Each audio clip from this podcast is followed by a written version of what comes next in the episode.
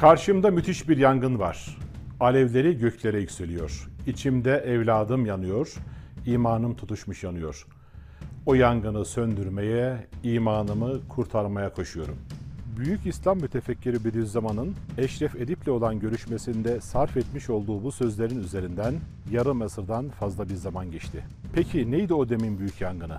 Komünizmin temelinde yavaş yavaş tohumları atılan Allah'ı ve bütün manevi değerleri inkar çalışmaları. Üstad bir iğnenin ustasız, bir harfin katipsiz olamayacağı fikrinden yola çıkarak şu muhteşem kainatın elbette bir yaratıcısı olacağı fikrini dantel dantel işledi eserlerinde. Hakikatler o kadar etkiliydi ki akla mantığa dayalı iman hakikatleri küfrün bel kemiğini kırmış, fikir planında dirilmemek üzere yok etmişti. Özetle Bediüzzaman'ın karşımda diye nitelendirdiği yangın evlerimizin ta içine kadar girdi.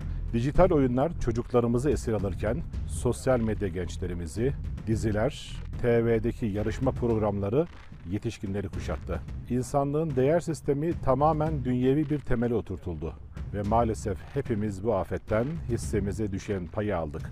Ancak bu karanlık tabloya rağmen asla ümitsizliğe düşmeyeceğiz. Zira Allah'ın rahmetinden ümit kesilmez. Yeniden ruh ve mana köklerimize yönelerek yitik balımız olan hikmeti arayıp bulacağız. Bunun için başlangıç noktamız yine kendimiz olacak. Hem nur hem kuvvet olan imanımızı taklitten hakiki imana getirmek için çaba sarf etmek ilk adımımız olacak. Önce kendimiz okuyacağız iman hakikatlerini. Ara ve fasıla vermeden. Sonra aile fertlerimizi süreci dahil edeceğiz. Sonra konu komşu ve hısım akraba dairesini genişleterek ne için yaratılmışsak onun için yaşayacağız. Bu asırda bunlar kolay mı? Elbette değil. Ancak imkansız da değil.